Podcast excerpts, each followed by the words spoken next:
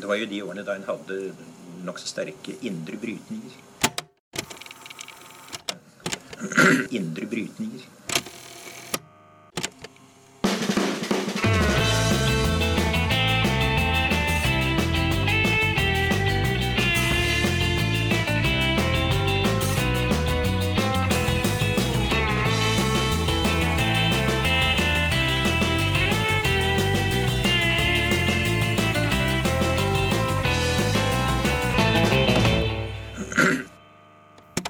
Velkommen til Noen har snakket sammen. Mitt navn er Tiril Rustan Halvorsen. Og jeg heter Aksel Fjellavli. Forrige episode Aksel, så snakket vi med Marius Holm om eh, rettferdig omstilling i, i, på klimaområdet. Mm. Eh, og så tenkte vi at vi skulle høre med Espen Barth Eide neste episode om næringspolitikk og grønn vekst og rettferdig omstilling i den litt sånn større bildet, som må være rettferdig og grønt og, og. Jobber til alle. Vekst jobber til alle, rett og slett. Um, og i dag skal vi snakke om uh, omstilling i form av at arbeidsplasser blir borte pga. digitalisering uh, spesielt. Så en liten sånn uh, føljetong av uh, omstilling. Mm. Og for å hjelpe oss i dag, så har vi jo med oss Anne Beate. Anne Beate, rett og slett. ja. Ikke glemt Aksel, vi sitter ved siden av hverandre på jobb. Um, rett og slett fordi dere, har, dere to har uh, laget et uh, notat om omstilling med Posten som case. Mm. Uh, fordi de har drevet med omstilling i mange år allerede. Og, og både vi og Post, Posten og Postkom egentlig da var veldig interessert i å vite hvordan det hadde gått, og hva man kanskje kunne lære. Mm. Postkom det er jo da fagforeninga for de postansatte. For ja. de uinnvidde så er det Absolutt. sånn det Og dette notatet ble lansert uh, forrige uke, men i tillegg så har det jo skjedd noe på Stortinget som handler om Posten. Ja, det er jo veldig aktuelt akkurat nå, fordi at uh, Stortinget behandla endringer i postloven bare for et par dager siden.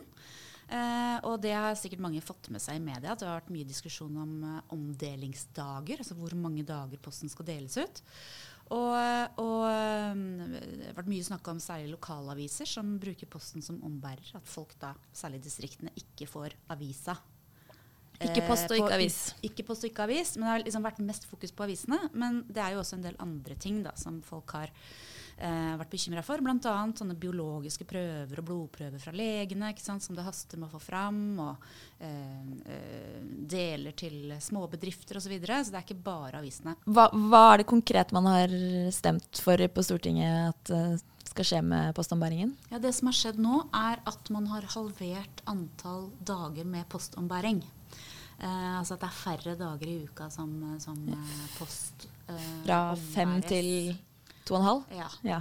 og, og, det var jo en, en stor debatt uh, med regjeringspartiene, som da utgjorde flertallet for å redusere, altså halvere de antall mm. dagene. da. Mens opposisjonen stemte mot? De hadde noen egne forslag. Flere, mm. flere forslag. Um, både på å på beholde dagens ordning, eh, og også noen subsidiære forslag på å utsette dette til man har fått bedre eh, bredbåndsdekning over hele, hele, landet. For det er klart Akkurat det her med aviser, å lese aviser på nett, det er jo et alternativ til å få det i postkassa, men det hjelper så veldig lite når folk mm. Når de samme folka som, eh, som, eh, som mister postombæring, eh, ikke har bredbånd. Her er vel Medieskygge er vel et begrep jeg har hørt. At man blir liggende i en sånn ja. på en måte dal der du verken har internett eller uh, mm. avis. Ja. Så til tross for på en måte at selv påstand, de postansatte ser behovet for denne omstillingen, og at det er færre brev, så vil ikke dere da, og opposisjonen være med på færre dager av ombæringen? Nei, det er klart at eh, altså Postkom eh, skal jo forsvare interessene til de ansatte. Og de ser sikkert at dette er i endring, at det blir uh, sant, dyrt for arbeidsgiver og for det offentlige. og det blir det. Det, det koster penger. men, men poenget er at dette gir jo en mye dårligere tjeneste til mange innbyggere i Norge. Mm. Og, og postombæring er sånn som vi ser det en så det er liksom en grunnleggende infrastruktur, grunnleggende tjenester. Tjenester som man må ha tilgang på uansett hvor man bor. Og, og vi her, det er jo da Senterpartiet. Siden du er jo også nestleder i Senterpartiet, det må jo sies. Så, så snakker, nå snakker jeg litt med eh, agendahatten og litt med Senterpartiet. sånn er det. Men, men uh, det som jo er litt sånn interessant, det er at uh, Postkom altså fagforeningen til de, til de ansatte i Posten, har jo hatt en litt annen tilnærming. Altså, de har jo gjennom flere tiår egentlig samarbeida veldig tett med ledelsen i Posten mm. når man har stått foran sånne omstillinger. Og det er jo kanskje litt sånn litt uvant uh, fra fagforeningers side. Eh, ofte så hører man liksom når de protesterer. Men, men, men det er egentlig ganske, ganske interessant å se på den uh, rollen som, som, Postkom da har tatt i de svære omleggingene som Posten har vært innom. Mm. For det har jo gått litt under radaren sant? Under, eh, i flere tiår hvor, hvor, enorme endringer som har skjedd i Posten. da. Mm. Og Det var derfor vi syntes det var morsomt å se på Posten som case. Fordi, eh, fordi eh, eh de har eh, vært gjennom en omstilling gjennom flere tiår som kanskje kommer til å ligne litt på de omstillingene vi står foran i framtida. Mm. Mm. Og, og, ikke bare i Posten, men øh, også generelt i altså Uansett hva man mener om eh, hva vi skal leve av etter olja og eh, tempo på det hele osv., så, videre, så er vi på en måte avhengig av å klare å, å, å, å um, få omstillingene til å gå på en ryddig måte. Mm. Eh, og i, i, Posten spesifikt så er det jo det er vel snakk om 1500 eh, arbeidsplasser eller noe sånt som de skal nedbemanne i, i, forbindelse med at man går fra eh, postombæring hver dag til postombæring postombæring annenhver dag eh, nå. Samtidig som at det, endringen i postloven har vel også kommet som følge av digitalisering og andre vaner. Man sender jo ikke brev i posten lenger.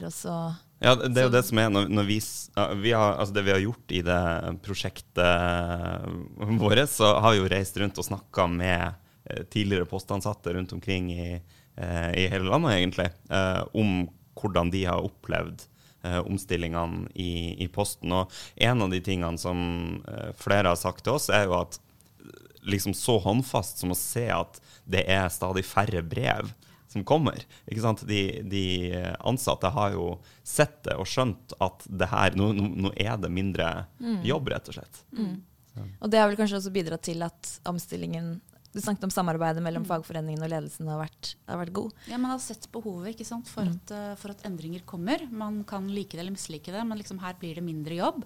Uh, og det er jo um, altså, Vi har jo gått fra rundt eh, 3000 til 30 Mm. Postkontorer i Norge på relativt få år. Det er ganske dramatiske endringer mm. som, som sagt har gått litt under radaren. Og i 2018 også så var det nærmere 2000 årsverk som ble redusert. Mm. Så de endringene i postloven som ble vedtatt nå, er på en måte bare eh, en endring i en lang rekke eh, endringer som de ansatte måtte forholde seg til. Mm. Det, det, er liksom, det, det, er jo også litt av det som gjør Posten så interessant. fordi at det er liksom et uh, slags sånn mikrokosmos både av Norge, altså de ansatte er liksom alle, alle slags folk. Uh, men i tillegg de endringene Posten har blitt truffet av. Det er jo akkurat de samme store samfunnsendringene som Norge og si, verden har blitt truffet av. Du har internett og e-post som gjør at man kommuniserer på en helt annen måte. Du har eh, robotisering av eh, sorteringsmaskiner. Og så oppå opp det hele så har du jo eh, den ideologiske vendinga som har skjedd eh, innenfor hvordan man styrer offentlig sektor. ikke sant? Mer Uh, New Public Management og uh, utskilling av selskap osv. Så, videre. så uh, altså, Posten er liksom et sånn det er et bilde av, av, mye av det som er relevant for eh, hele den store fortellinga om Norge. Mm. Nettopp. Og så eh, mange, altså Når vi snakker om omstilling, så er det mange som liksom ser for seg sånne svære hjørnesteinsbedrifter som går over ende. ikke sant? Eh, hvor, hvor, eh, og det tar jo for mye oppmerksomhet i media fra politikere. Men det som har skjedd i Posten, er jo veldig sånn inkrementelt, veldig gradvis. Eh, det har vært noen sånne store terminaler og sånn som har blitt flytta, og som vi har hørt mye om. Men stort sett så har det vært snakk om liksom et postbud der, en skrankeansatt der, et, kanskje et lite, lite, kontor i distriktene ikke sant, som har gått litt under radaren. Og det, den type omstilling kommer vi nok til å se mye mer av. Uh, det er liksom ikke de store altså 1000 arbeidere på en gang som må omstilles, men, men uh, veldig spredt utover landet og uh, befolkningen for øvrig. Mm. Og da må vi også tenke, tenke, omstilling på en annen måte, da. Politisk. Vi må ha andre politiske virkemidler for å nå disse gruppene. Mm. Fordi dere har jo vært rundt og snakket med tidligere postansatte. og Hva er det de har sagt eh, til dere om hvordan prosessen har vært og opplevdes for dem?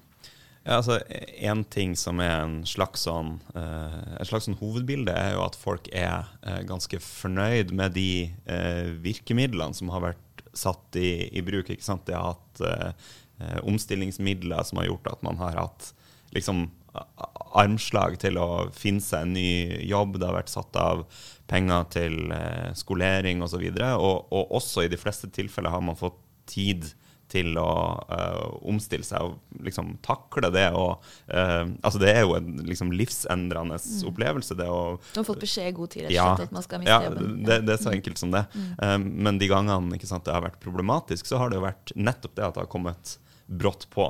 Og, og, det har jo vært litt av grunnen til at uh, Postkom har vært uh, frustrert i forbindelse med den behandlinga av postloven nå.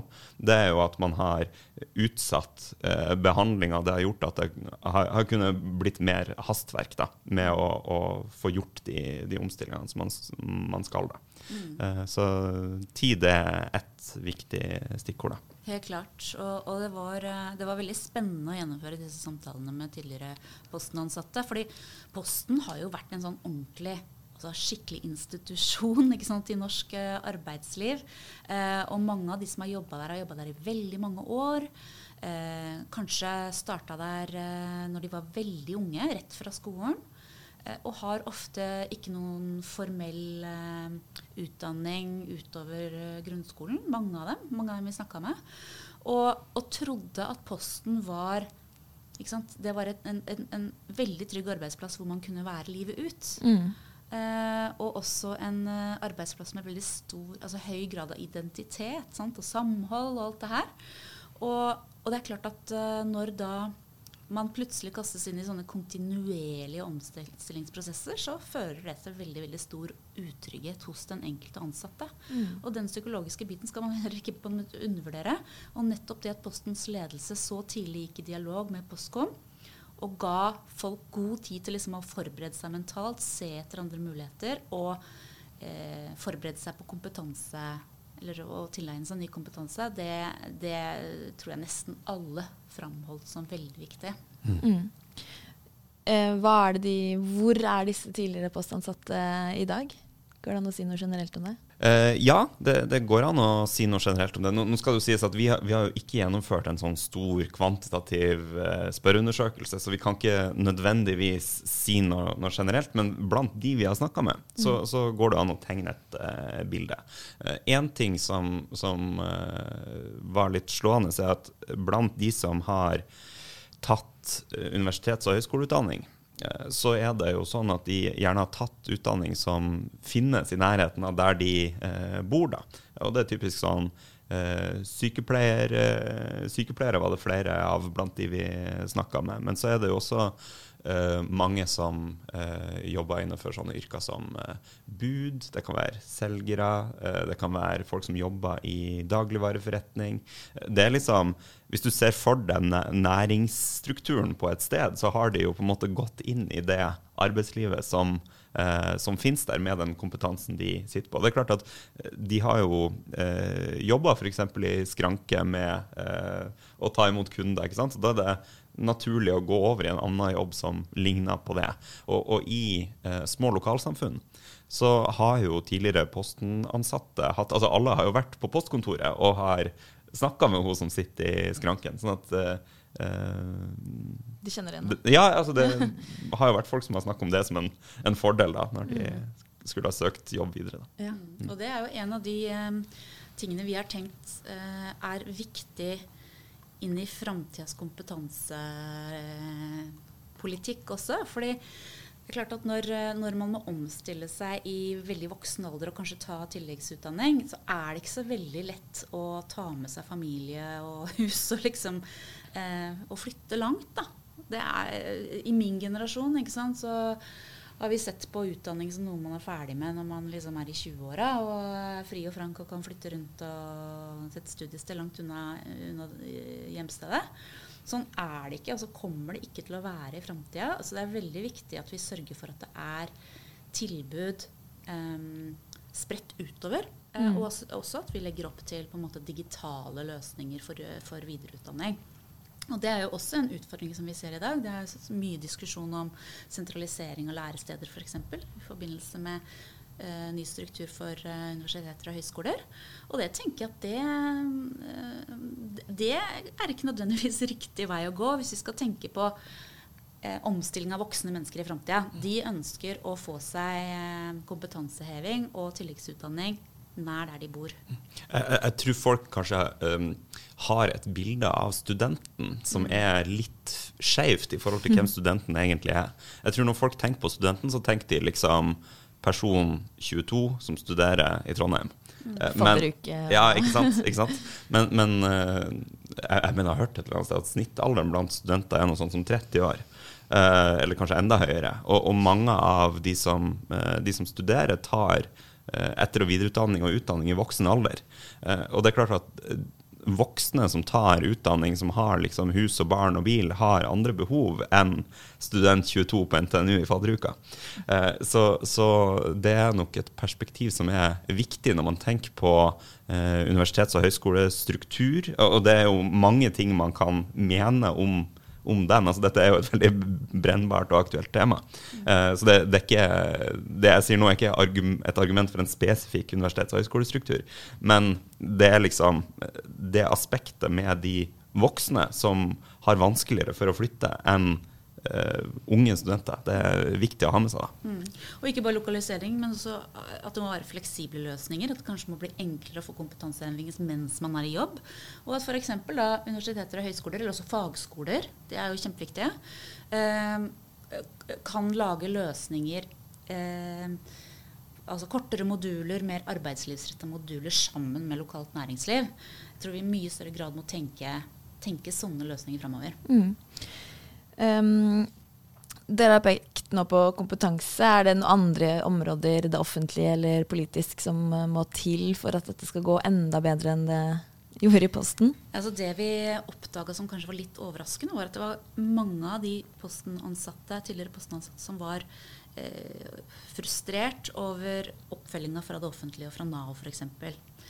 Eh, og, og først og fremst fordi de kom så seint inn i bildet. Mm. Eh, og det høres kanskje rart ut, men tidligere så, så var eh, regelen sånn at Nav ikke på en måte kunne gå inn og involvere seg før etter at omstillingen hadde funnet sted. Altså i- etter at folk hadde mista jobben. Selv om man hadde Eh, visst det har- i et år, kanskje? Og det Ja. har, en, det, det, det har endra seg nå litt de siste årene, men jeg tror fortsatt det er et stykke å gå for å være proaktive. Eh, og det, det, det tenker jeg er en eh, veldig lavthengende frukt. da. At, eh, at både arbeidsformidling og, og andre måte tiltak som det offentlige kan bidra med, er, er proaktive i det man hører at her kommer det endringer. Jeg jeg tenker jo også et, et annet eh, tilbud litt i, i samme gata, som jo vi foreslår i, i notatet at bør styrkes betraktelig, er jo karriereveiledninga. Eh, som også må dekke en del av de behovene man får i en sånn eh, omstillingsprosess. Og her har jo regjeringa har jo laga en NOU om karriereveiledning som, som ikke har blitt eh, fulgt opp. Eh, der det bl.a. Foreslås, på, samme måte som, som vi også eh, mener er en god idé, at det innføres en livslang rett til eh, karriereveiledning med eh, karrieresentre rundt omkring i, i hele landet som er tilgjengelig for folk. da. Men hvis man nå da ser at uh, den jobben man har, uh, den bedriften man driver, står overfor en omstilling lignende den Posten har vært gjennom, eller at markedet forsvinner, endrer seg stort pga. digitalisering eller klima f.eks., hva, hva burde man lære av Posten, både som arbeidsgiver og som fagforening? For det første så tenker jeg det er viktig at man involverer de ansatte i prosessen. Uh, det har jo vært, Noe av suksesskriteriet har jo vært at Postkom har hatt skyhøy organisasjonsgrad i Posten ikke sant? og har vært involvert i utforminga av omstillinga. Det har gjort at for det første at, eh, at uh, omstillinga har blitt utforma mer i tråd med det de ansatte opplever som eh, sine eh, interesser og utfordringer. Men for det andre at det har skapt større forståelse eh, for de omstillingene som, som skjer. Og altså, det er jo en hel eh, bråte av, eh, av eh, reformer som har blitt igangsatt av denne regjeringa, som har møtt mye motstand. Og annet tror jeg er jo fordi at folk ikke forstår eh, hvorfor endringer skal skje. ikke sant? Uh, og, og, så må man gi tid til, uh, til omstilling, og så må man huske på at uh, omstilling som skjer framover, vil i mye større grad enn de omstillingene som Posten har vært gjennom, stille krav til kompetanse. Så det må settes av midler til kompetanse både fra arbeidsgiversida, arbeidstakersida og fra, fra det offentlige. For det er ikke sånn lenger. Sånn som faktisk Man, man snakka om det her som liksom et, et, godt bilde, men faktisk blant de vi snakka med, så var det jo folk som hadde mønstra på båt. Altså, man, man, kan jo liksom ikke gjøre det lenger uten å ha et fagbrev eller annen, annen form for uh, formalisert kompetanse på samme måte i dag, eller i stadig mindre grad. Mm. Mm. Det post, ledelsen i Posten og Postkom framhever eh, sjøl som en suksessfaktor, er jo at de har klart å bygge et tillitsforhold, eh, sånn at det var mulig å være ærlig på et tidlig tidspunkt og si her kommer endringer. Og det gir tid til omstilling. Eh, men det forutsetter jo at da eh, ledelsen ikke skyver på liksom de vanskelige samtalene, men er åpen om dette fra, fra, fra tidlig i prosessen. Anne Beate og Aksel, dette er også noe vi driver med i Agenda, ikke bare lager podkast. så veldig, veldig hyggelig at du tok turen, Anne Beate, og at Aksel var litt gjest i sin egen podkast. Takk for det.